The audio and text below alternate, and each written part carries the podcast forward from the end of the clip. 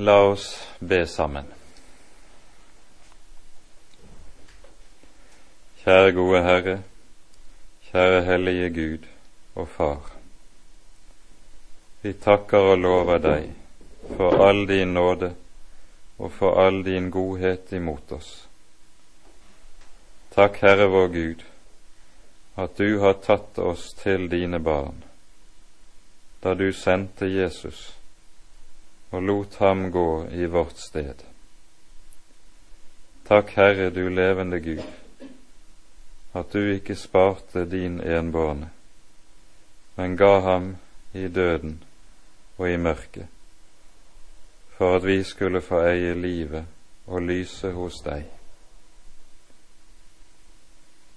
Kjære gode Herre, nå ber vi deg at du vil sende din ånd og være hos oss denne kvelden. Den ånd som åpenbarer ditt ord og ditt hellige navn for oss, slik at vi også kan kjenne det som er oss gitt av deg. Herre, uten din ånd er alt vårt forgjeves. Derfor ber vi, Kom, Herre du.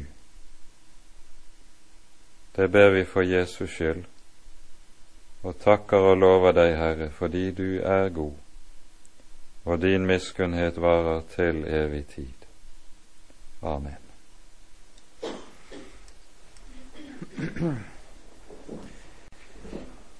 Vi gikk altså sist gang gjennom en, noen av versene i det avsluttende avsnittet i Efesane 5 men for uh, sammenhengen sin skyld så tror jeg vi tar oss tid til å lese hele avsnittet igjennom også i kveld. Da leser vi altså fra Efesene 5, fra vers 21 av og ut kapitlet. Underordne dere under hverandre i Kristi frykt. Dere hustruer, underordne dere under deres egne menn som under Herren. For mannen er hustruens hode, like som Kristus er menighetens hode, han som er sitt legemes frelser. Men like som menigheten underordner seg under Kristus, således skal også hustruene underordne seg under sine egne menn i alle ting. Dere menn, Elsk deres hustruer like som Kristus elsket menigheten og ga seg selv for den, for å hellige den, idet han renset den ved vannbadet i Ordet, for at han selv kunne fremstille menigheten for seg i herlighet, uten plett eller rynke eller noe sådant men at den kunne være hellig og ulastelig. Så er mennene skyldige å elske sine hustruer som sine egne legemer. Den som elsker sin hustru, elsker seg selv. Ingen har jo noensinne hatet sitt eget kjød, men han før og varmer det, like som Kristus gjør med menigheten. For vi er Hans legemes lemmer. Derfor skal mannen forlate far og mor og holde seg til sin hustru, og de to skal være ett kjød. Denne hemmelighet er stor, men jeg tenker hermed på Kristus og på menigheten. Dog, også dere skal elske enhver sin hustru som seg selv, og hustruen skal ha ærefrykt for sin mann. Amen.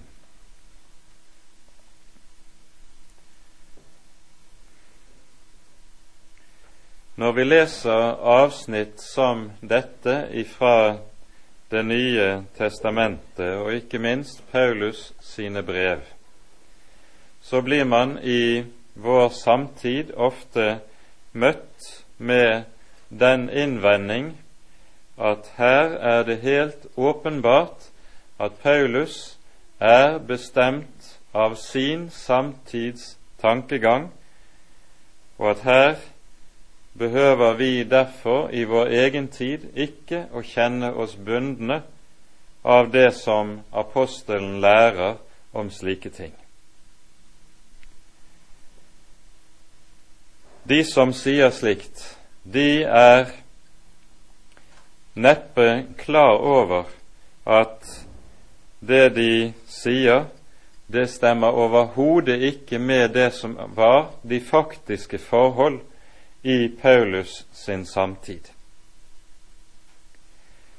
Når det gjelder forholdene i jødedommen, så vet vi at det var en prinsipiell likeverd mellom mann og kvinne i jødedommen, noe som sågar kunne medføre at en kvinne kunne være synagogeforstander. Man har enkelte eksempler på det i, allerede i antikken. Mens vi i Det nye testamentet ser at Paulus her går klart imot det som var prinsipiell åpning for innen synagogen. Paradoksalt nok så møter man også en annen strømning i synagogen og dens liv. I en av dens bønner hører man følgende bønn Lovet være du, Gud, som ikke skapte meg som hedning, ikke gjorde meg til trell, og heller ikke skapte meg som kvinne. Noe slikt finner du overhodet ikke i Det nye testamentet heller. Så vi kan med høy grad av rett si at Paulus, i det han lærer om disse ting, så har han løsrevet seg fra sin jødiske bakgrunn. Hvis vi ser på samfunnet slik det eksisterte innen datidens hedenskap, så vil vi se at også der går apostelen imot det som er alminnelig tankegang innen hedenskapet. Riktignok var det slik at det romerske eller latinske, gamle latinske samfunn var patriarkalsk i sin struktur. Men når vi er kommet til Jesu og apostlenes samtid, så er i all hovedsak denne tradisjonelle patriarkalske strukturen gått i oppløsning i det aller meste av det gresk-romerske samfunnet. Når det gjelder presteskap i datiden, så var det stort sett slik at det var kvinner som var prester i de hedenske templer. Det var ikke menn. Og Derfor er det også slik at når Paulus taler og lærer om hvem som skal ha hyrde- og læreembete i den kristne menighet, så går han også på dette området imot det som er vanlig i samtiden. Likeledes går apostelens undervisning om forholdet mellom mann og kvinne på det aller mest radikale imot det som var vanlig i datiden. Hos en av de greske filosofer så, som levet et par hundre år forut for Kristi tid, så har vi en slik situasjon at man tenkte en hustru, hun er til utelukkende for å forestå mannens hjem og oppdrar hans barn. Men for å ha glede i livet, så skal mannen ha en konkubine utenom det. I tillegg til det, dersom mannen skal ha vennskap, så skal det også være utenom hjemmet med mannlige venner. Den inderlige enhet som Bibelen lærer når det gjelder forholdet mellom mann og kvinne i ekteskapet. De to skal være ett kjød. Det er noe som er absolutt fremmed for datidens tenkning og måte å se det hele på. Og det må vi også i høy grad si når det gjelder den teksten vi har for oss her i dag. Vi må få lov til å si at ingen er mer fri i forhold til sin samtid og til sin samtids måte å tenke på enn nettopp apostelen Paulus var det. Problemet vårt i møte med disse tekstene som vi her finner i Det nye testamentet, er at vi er bundet av og bestemt av vår samtid, og derfor har uhyre vanskelig for å trenge inn i og begripe bibeltekstene slik de står og er gitt oss. Det er det som er det egentlige saksforhold. Og Derfor er det også slik at det å være en kristen det handler på mange måter om å gradvis og befris fra de forutsetninger som vi er bundet av i vår egen tid, slik at vi lærer å tenke som Guds ord tenker. Men dermed vil vi også bli fremmede overfor tiden og bli slike som står utenfor tiden, og vi må si Kristentroen er dermed etter sitt vesen grunnleggende kulturkritisk. Dette gjelder også det som har med det helt grunnleggende forhold som har med forholdet mellom mann og kvinne å gjøre.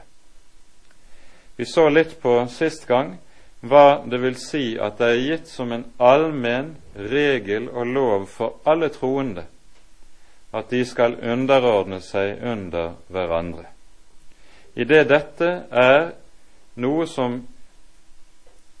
et område der Skriften angriper et av de grunnleggende trekkene ved syndefallet hos oss, trangen til selvhevdelse, og når denne ytrer seg overfor vår neste, blir den til maktbegjær. Og sånn som vi ofte kan se det i ekteskapet. Det blir til maktkamp der inne i hjemmet. Bibelens ord om dette sikter altså mot å bryte den grunnleggende selvhevdelsestrangen, og sier altså som en allmenn lov for alle troende underordne dere under hverandre i Kristi frykt. Og så hører vi hvordan dette skal skje i hjem og i menighet. For det som apostelen her også sier om hjemmet, det er noe av et forbilde på det som er forholdet også i menigheten. Det henger sammen med at den kristne menighet ses på under et hovedbilde i Bibelen. Den er Guds familie. Dette skal vi komme tilbake til senere. En sak som vi ikke fikk gått inn på sist gang, og som er viktig at vi ser nærmere på i dag, det er det vi hører i vers 23. Mannen er hustruens hode, like som Kristus er menighetens hode, han som er sitt legemes frelser. Og Da blir det spørsmål hva menes nå egentlig med dette begrep når apostelen taler om hode? Det vi da skal være klar over, det er at her er vi inne på noe som er en grunnleggende struktur i hele apostelens tenkning. Og vi skal se nærmere på dette. Og Da er det en annen tekst som er ganske så viktig, og den finner vi i første Korinterbrev i det ellevte kapittelet.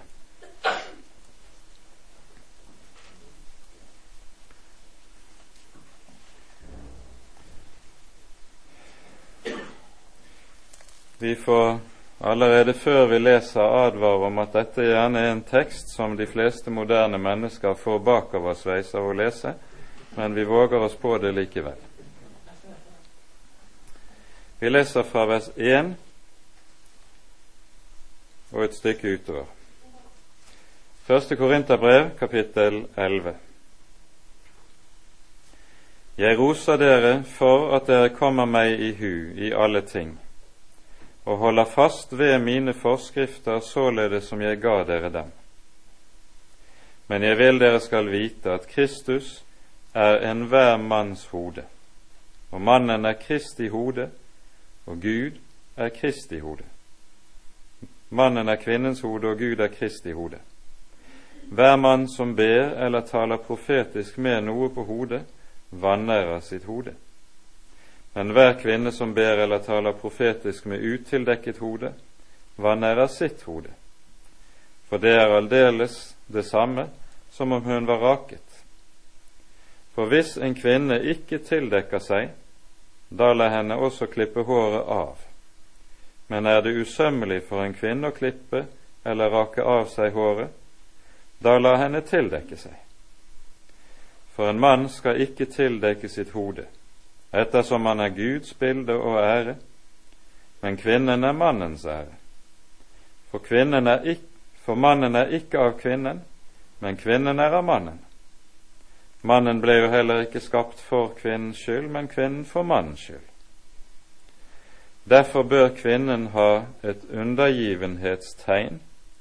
Det står bokstavelig i grunnteksten en makt på sitt hode for englenes skyld. Dog, i Herren er verken kvinnen noe fremfor mannen, eller mannen noe fremfor kvinnen. For like som kvinnen er av mannen, så er også mannen ved kvinnen, og alt er av Gud.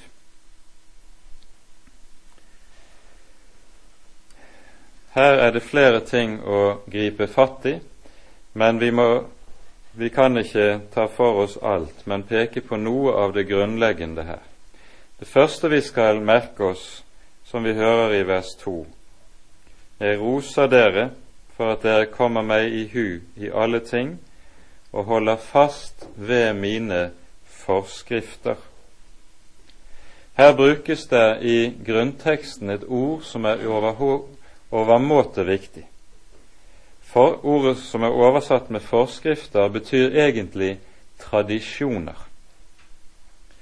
Det som kjennetegner den kristne tro, er nemlig at mens Jesus og apostlene bryter meget klart med ganske mye av den tradisjon som vi finner innen jødedommen, og som noen steder i Nytestamentet kalles for fedrenes forskrifter eller fedrenes overleveringer, så hører vi også at de i stedet setter inn noe annet, det som er den kristne tradisjonen og som er ordet fra Kristus og fra apostlene, og så, som så overleveres og skal overleveres fra ledd til ledd gjennom den kristne kirkes historie.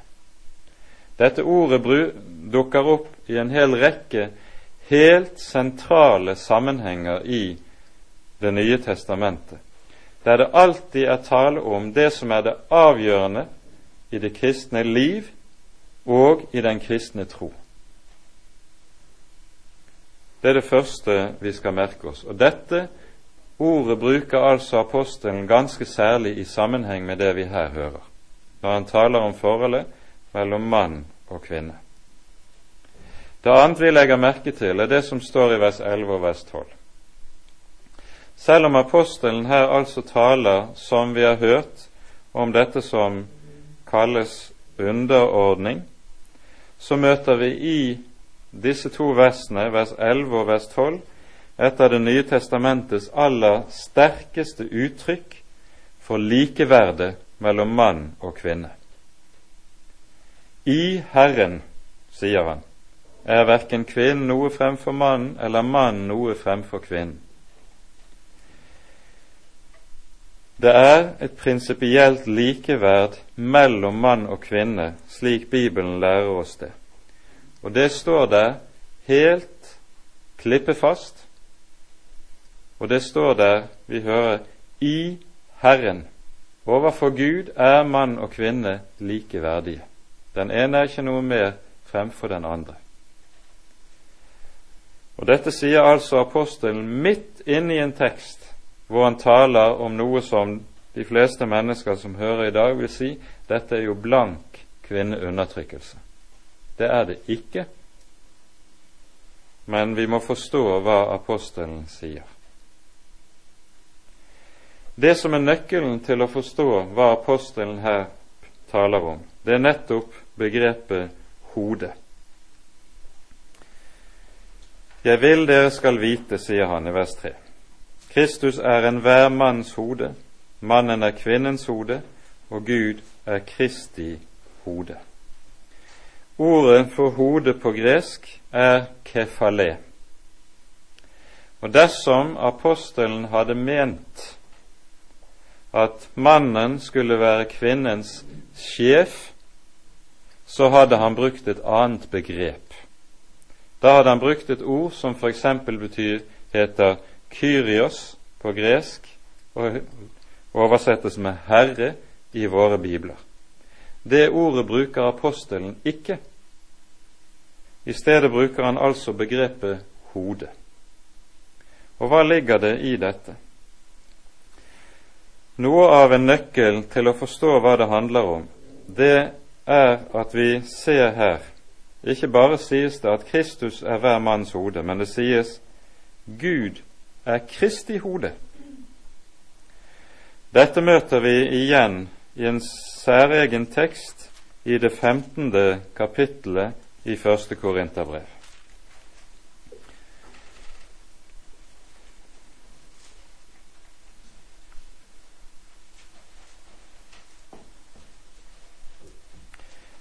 Her leser vi fra vers 22 og til og med vers 28.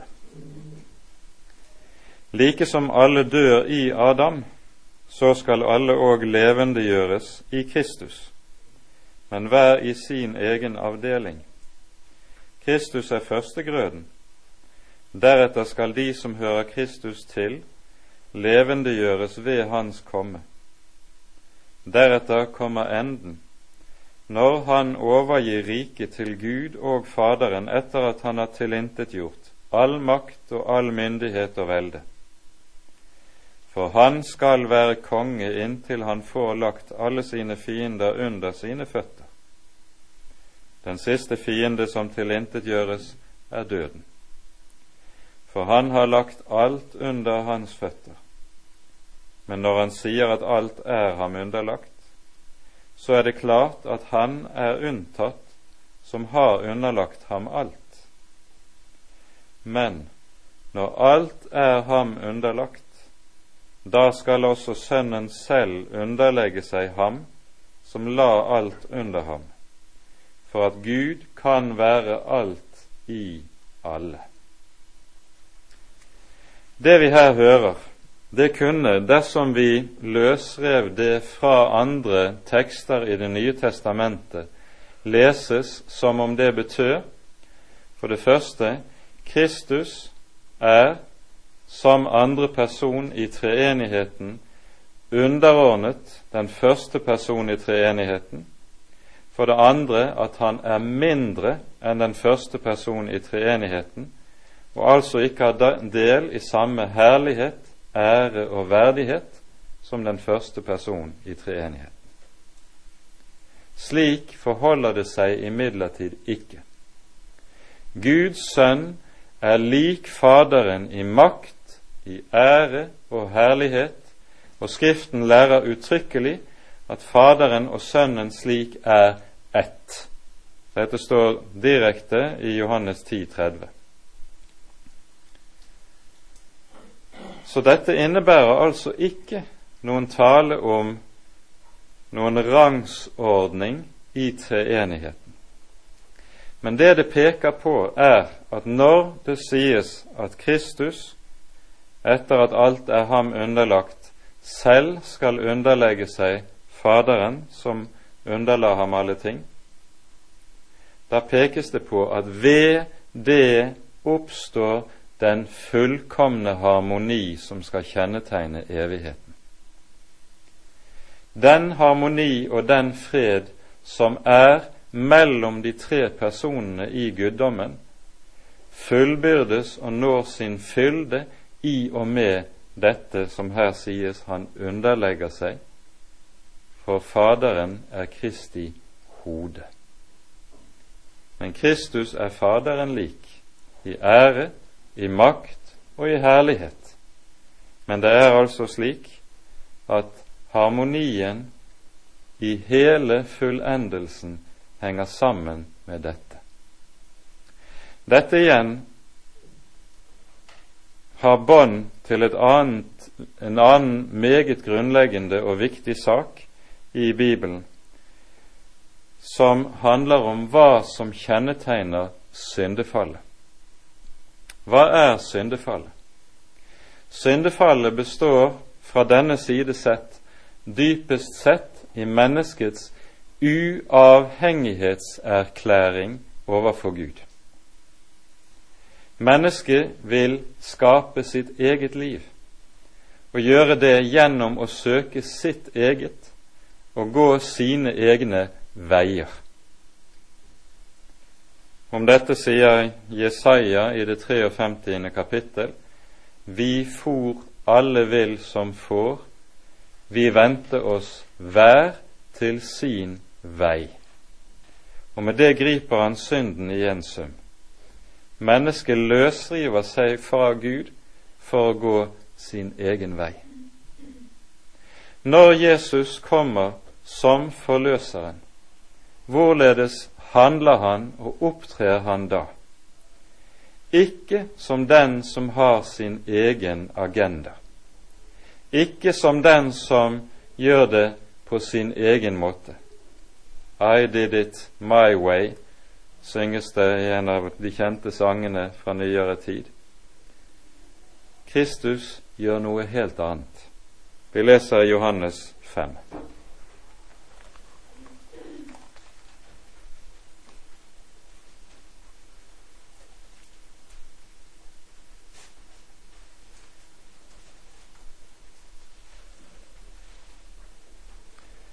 Her står det slik i vers 19. Jesus svarte da og sa til dem, sannelig, sannelig sier jeg dere, Sønnen kan ikke gjøre noe av seg selv, men bare det han ser Faderen gjør, for det han gjør, det gjør Sønnen likeså. Tilsvarende i vers 30 sier han, Jeg kan ikke gjøre noe av meg selv, som jeg hører, så dømmer jeg, og min dom er rettferdig. For jeg søker ikke min vilje, men Hans vilje som har sendt meg. Legg merke til dette. Jesus gjør intet av seg selv. Var det noen som hadde kunnet gjøre det, så var det han, for han er den syndfrie. Men nettopp han gjør det ikke.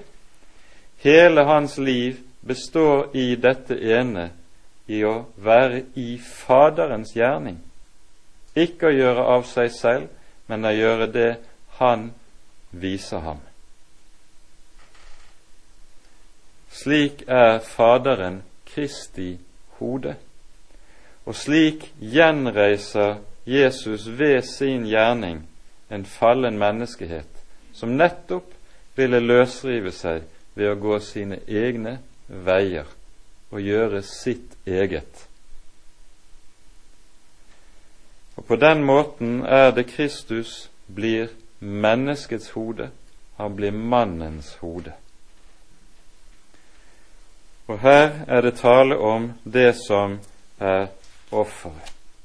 For hvorledes han slik gjorde Faderens gjerning og Faderens vilje, det vet vi.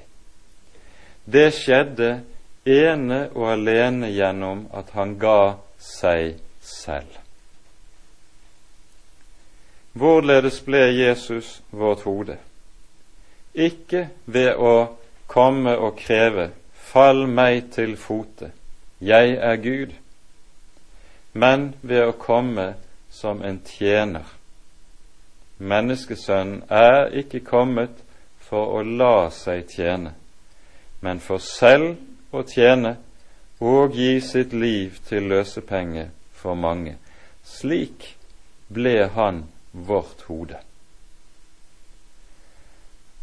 Og Da skjønner vi også hva det innebærer at mannen er kvinnens hode.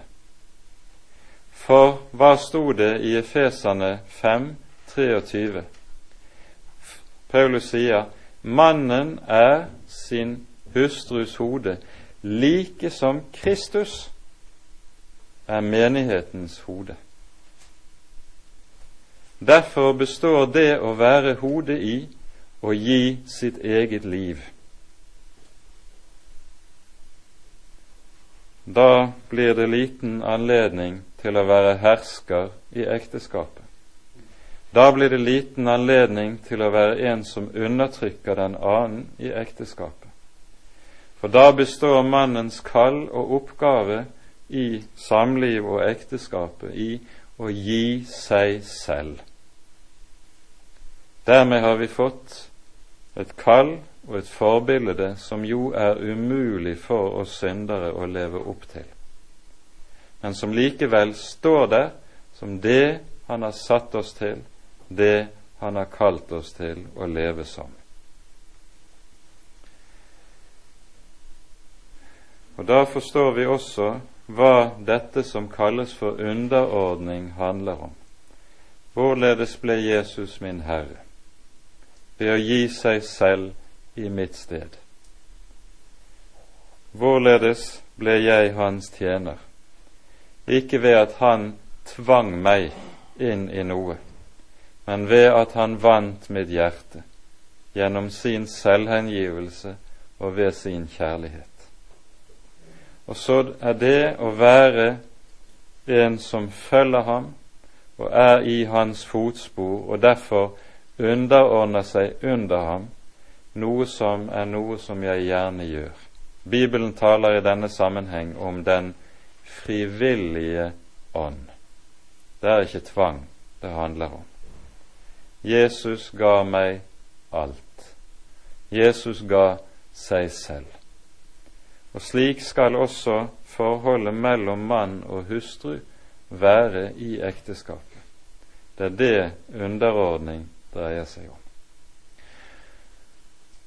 Her er det tale om sider ved Guds ord som går meget dypt, og som vi bare glimtvis kan ane og se inn i.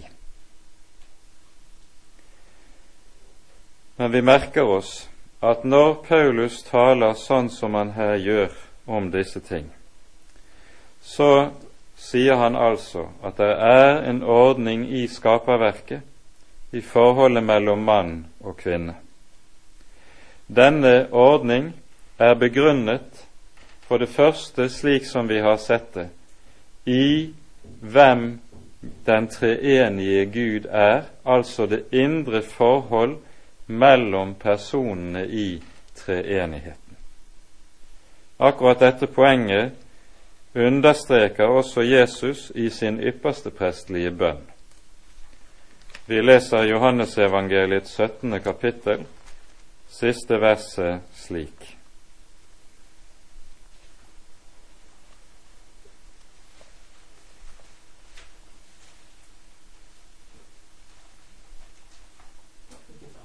Siste vers. Jeg har kunngjort dem ditt navn, og jeg vil kunngjøre dem det.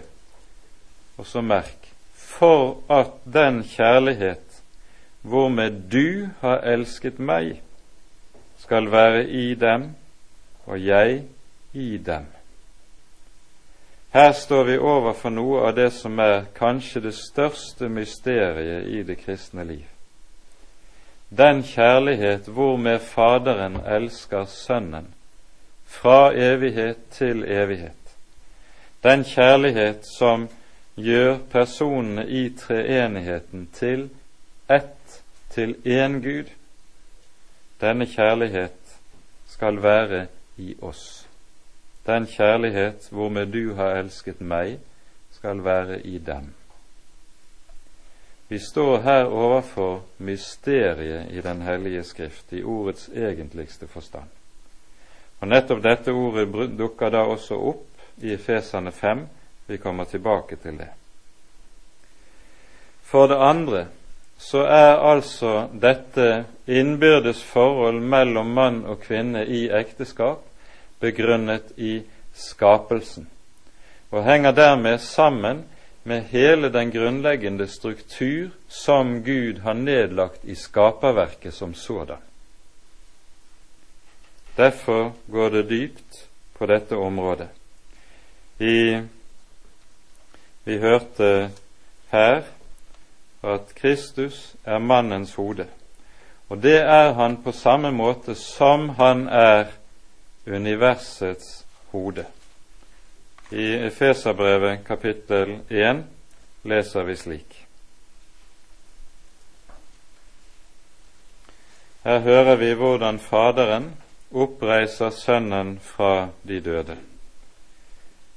Opphøyer han til sin høyre hånd i himlene, og så lyder det slik fra vers 21.: Over enhver makt og myndighet og velde og herredom og ethvert navn som nevnes, ikke bare i denne verden, men også i den kommende. Han la alt under hans føtter og ga ham som hode over alle ting til menigheten, som er hans legeme, fylt av ham, som fyller alt i alle. Denne grunnleggende struktur ligger også bak det apostelen taler om i denne sammenheng. For det tredje har dette også med syndefallet å gjøre. Og I denne sammenheng så møter vi noen sentrale ting i syndefallet som vi kanskje skulle se noe nærmere på.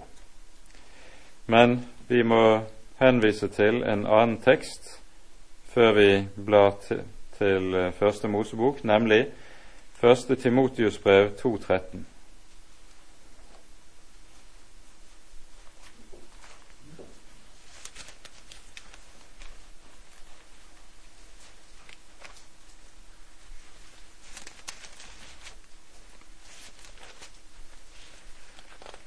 Det er i dette avsnittet apostelen behandler kapittel 2, vers 13 13 og 14. I dette avsnittet apostelen taler om øh, hvem som skal ha hyrde- og læreembetet i den kristne menighet, og så hører vi begrunnelsen her. For Adam ble skapt først, deretter Eva. Og Adam ble ikke dåret, men kvinnen ble dåret og falt i overtredelse. Og Hermed så hører vi at apostelen viser til noe av det som vi hører i de par første kapitlene i Første Mosebok.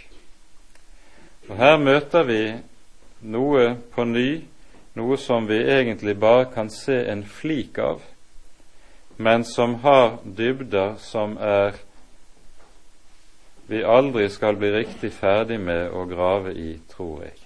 Men la oss se på et par trekk ved det vi hører i Første Mosebok. Her leser vi fra både litt fra kapittel to og kapittel tre.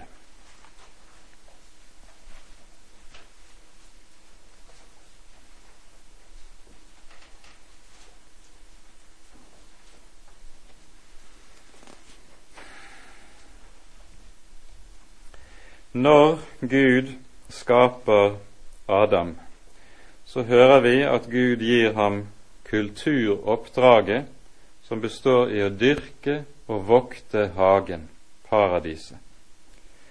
Og mens Adam plasseres der i paradiset, så hører vi det sies til ham, vers 16 og 17. Gud Herren bød mennesket, du må fritt ete av alle trær i hagen, men treet til kunnskap om godt og ondt det må du ikke ete av, for på den dag du eter av det, skal du visselig dø. Når Herren forkynner dette for Adam, så er Eva enda ikke skapt.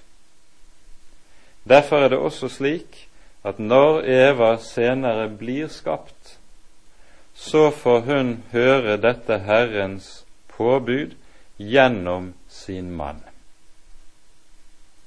Det er viktig å legge merke til. Eva har altså ikke hørt dette direkte fra Guds munn, slik som Adam har hørt det, men hun hører det fra sin mann.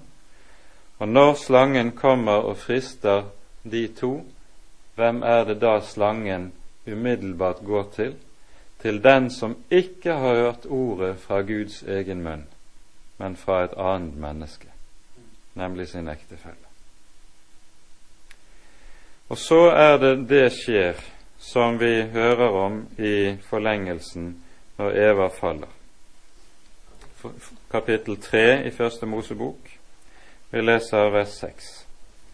Kvinnen så at treet var godt å ete av, at det var en lyst for øynene, at det var et prektig tre, siden en kunne få forstand av det, og en tok frukten og åt, og hun ga sin mann med seg, og han åt. Her ser vi noe, et grunntrekk ved fallet, som senere kommer til å stadig å ligge der gjennom en fallen menneskehets historie. Adam hadde hørt Herrens ord direkte fra hans egen munn. Men når fristelsen er der, så hører han heller på hva et menneske sier, enn hva Gud har sagt til ham.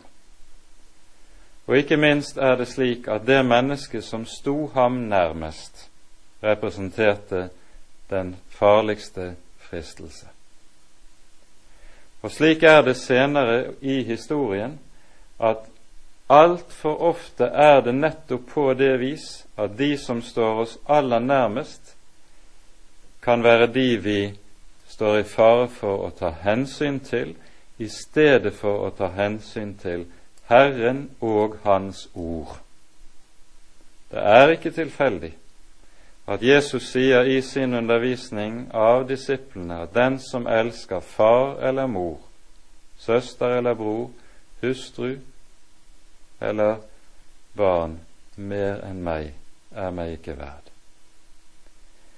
Det er alltid en fare for å lytte til de som står oss nærmest, i stedet for Herren selv. For de som står oss nærmest, er jo de vi nødigst vil komme i konflikt med. Vi skal merke oss det. Men nå er fallet kommet inn, og fallet rammer ikke og ødelegger ikke bare forholdet mellom mennesket og Herren, men det rammer også forholdet mellom mannen og kvinnen. Og vi ser antydninger til noe som kommer til å bli viktig også gjennom hele menneskehetens historie.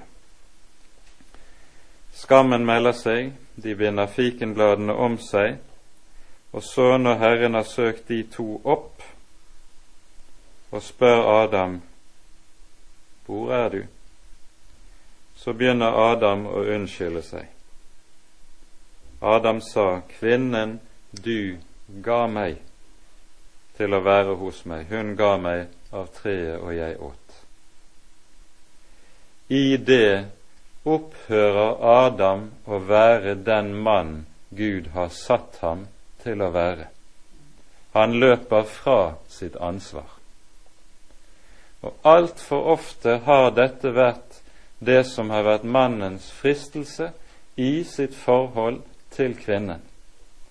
Det er å løpe fra ansvaret.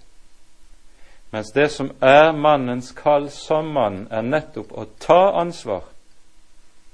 Ta ansvar i hjemmet, ta ansvar for barna, ta ansvar for å være nettopp mann, som Herren har satt en til. Ved å unnskylde seg og si det var ikke min skyld, det var en annen skyld, så fordreies forholdet til kvinnen. Og så ser vi og vet vi hvordan dette om igjen og om igjen ytrer seg gjennom historien, med menn som ikke vil ta ansvar, setter barn på kvinner og løper sin vei. De springer fra ansvaret, og med det så blir de alt annet enn menn som de er skapt til å være i Guds bilde. For det å være mann, det er nettopp å ta det ansvar, og så gi seg selv, som vi har vært inne på det. Konsekvensen av fallet ruller videre. Kvinnen får i dette en veldig fortrinn.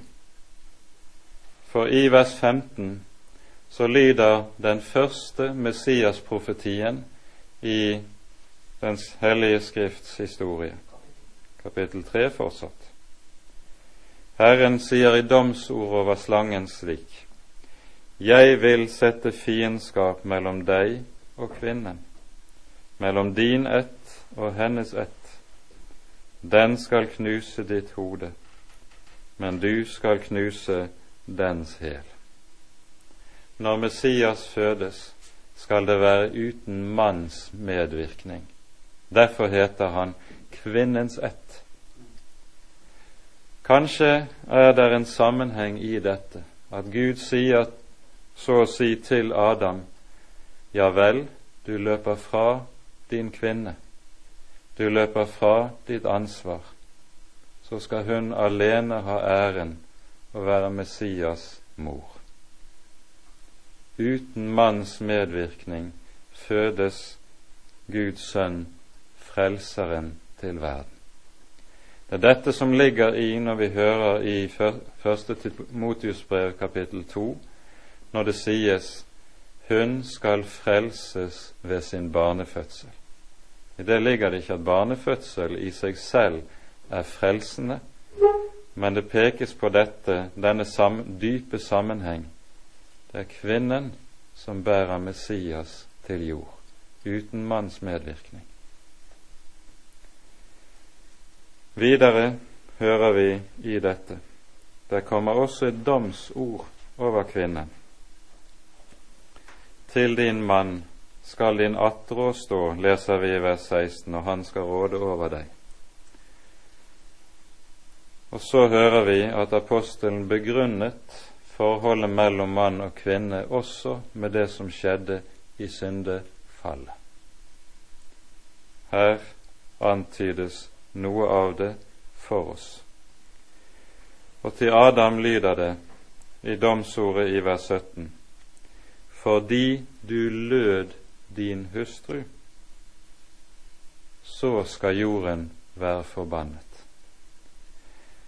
Adam lød sin hustru i stedet for Herren, og ved det opphørte han å være mann, som var satt i Guds bilde, satt til å være den han skulle være overfor sin kvinne. Det er alt dette Kristus gjenreiser. Og i det er det vi har noe av Det nye testamentets mysterium når det taler om disse ting. For nå går vi tilbake til Efesane 5.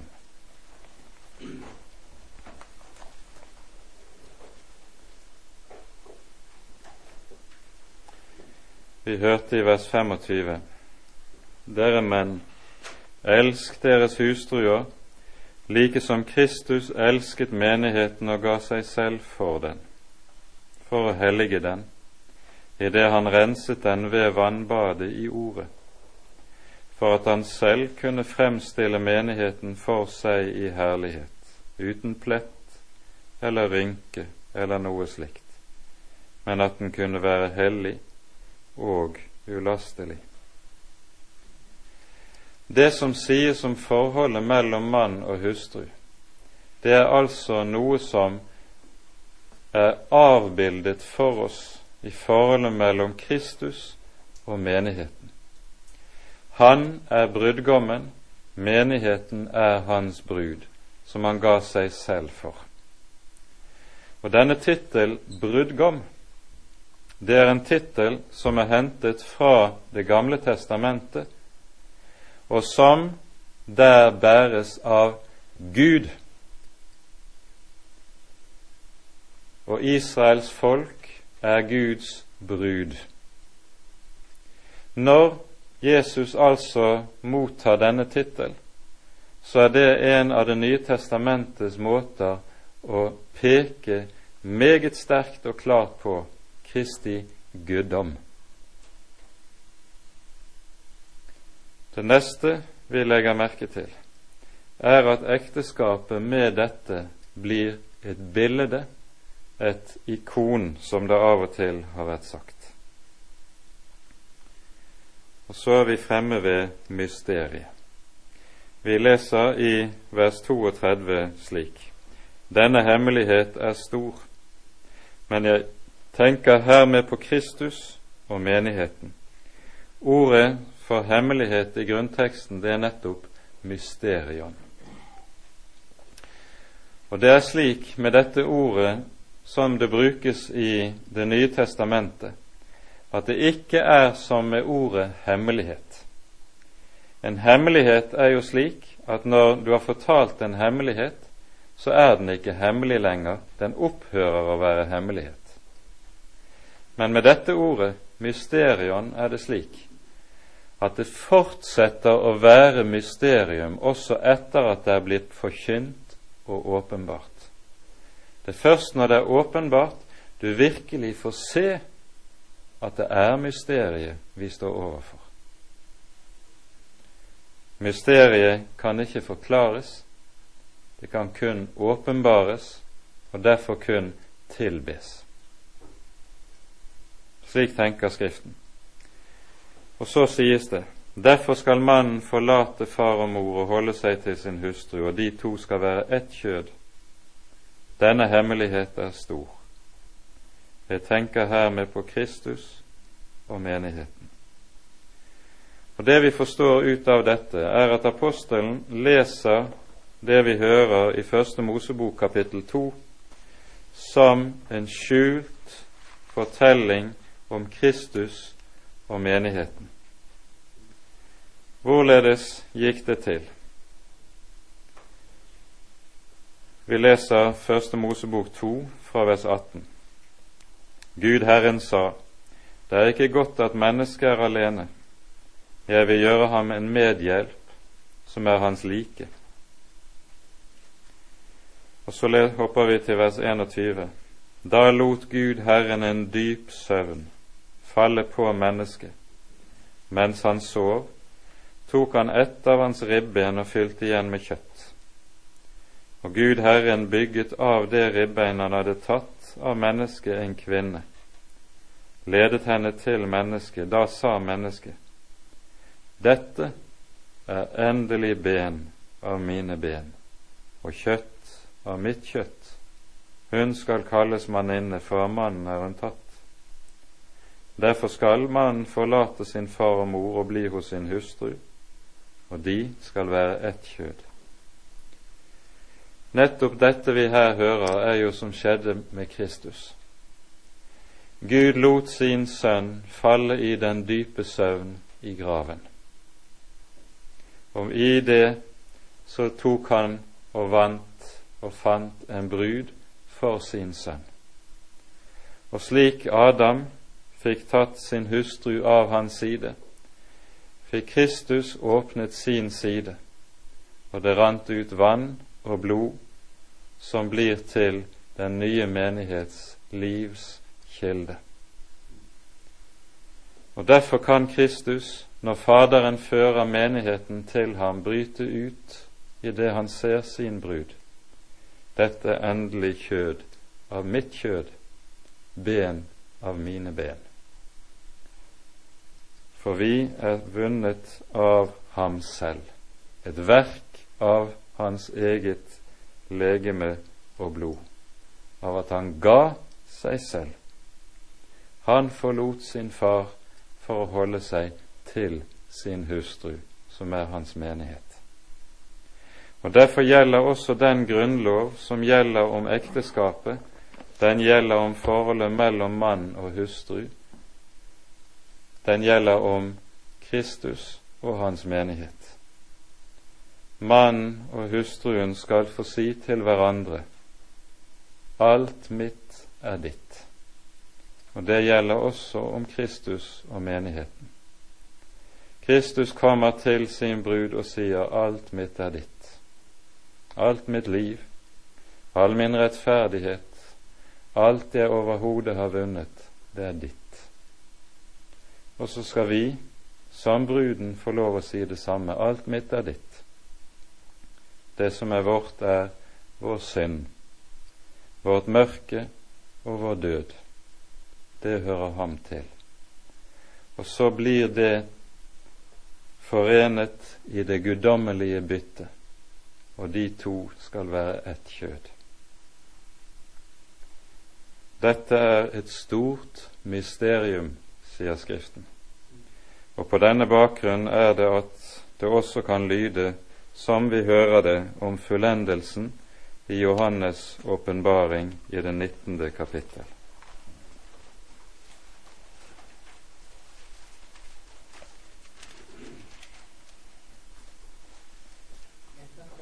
Kapittel 19, vers 7 til 9. La oss glede oss og fryde oss og gi ham ære, for lammets bryllup er kommet, og hans brud har gjort seg rede. Og det er henne gitt å kle seg i rent og skinnende fint lin. For det fine lin er de helliges rettferdige gjerninger, og han sa til meg, skriv, salige er de som er innbudt til lammets bryllups nadvær. Og han sier til meg, dette er Guds sanne ord. Og så ser vi at ekteskapet med dette er æret av Gud på en måte som intet annet i skaperverket er æret av ham. Og Den kristne ekteskapstenkningen går langt, langt dypere og utover alt det som vi ellers kan møte i vår verden. Det har sine røtter i evigheten. Det har sine røtter i Gud selv. Det har sine røtter i paradiset. Og Derfor kan vi med rette også ha lov til å si at ekteskapet er en av de gaver Gud lot mennesket få med seg ut av paradiset, fordi det også skulle minne mennesket om paradiset. Og der ekteskapet får lov å være godt og rett slik Gud hadde tenkt, der blir, har det også noe av denne duft over seg. Dette er et stort mysterium, slik taler Skriften. Og så skjønner vi også at like som Kristus elsket menigheten, skal mannen elske sin hustru. Og like som menigheten har underlagt seg Kristus, så skal kvinnen hustruen underordne seg sin mann. I det finnes den fulle harmoni, som er en gjenspeiling av den harmoni som er i evigheten. Amen. Ære være Faderen og Sønnen og Den hellige ånd, som var og er og være skal en sann Gud, høylovet i evighet. Amen.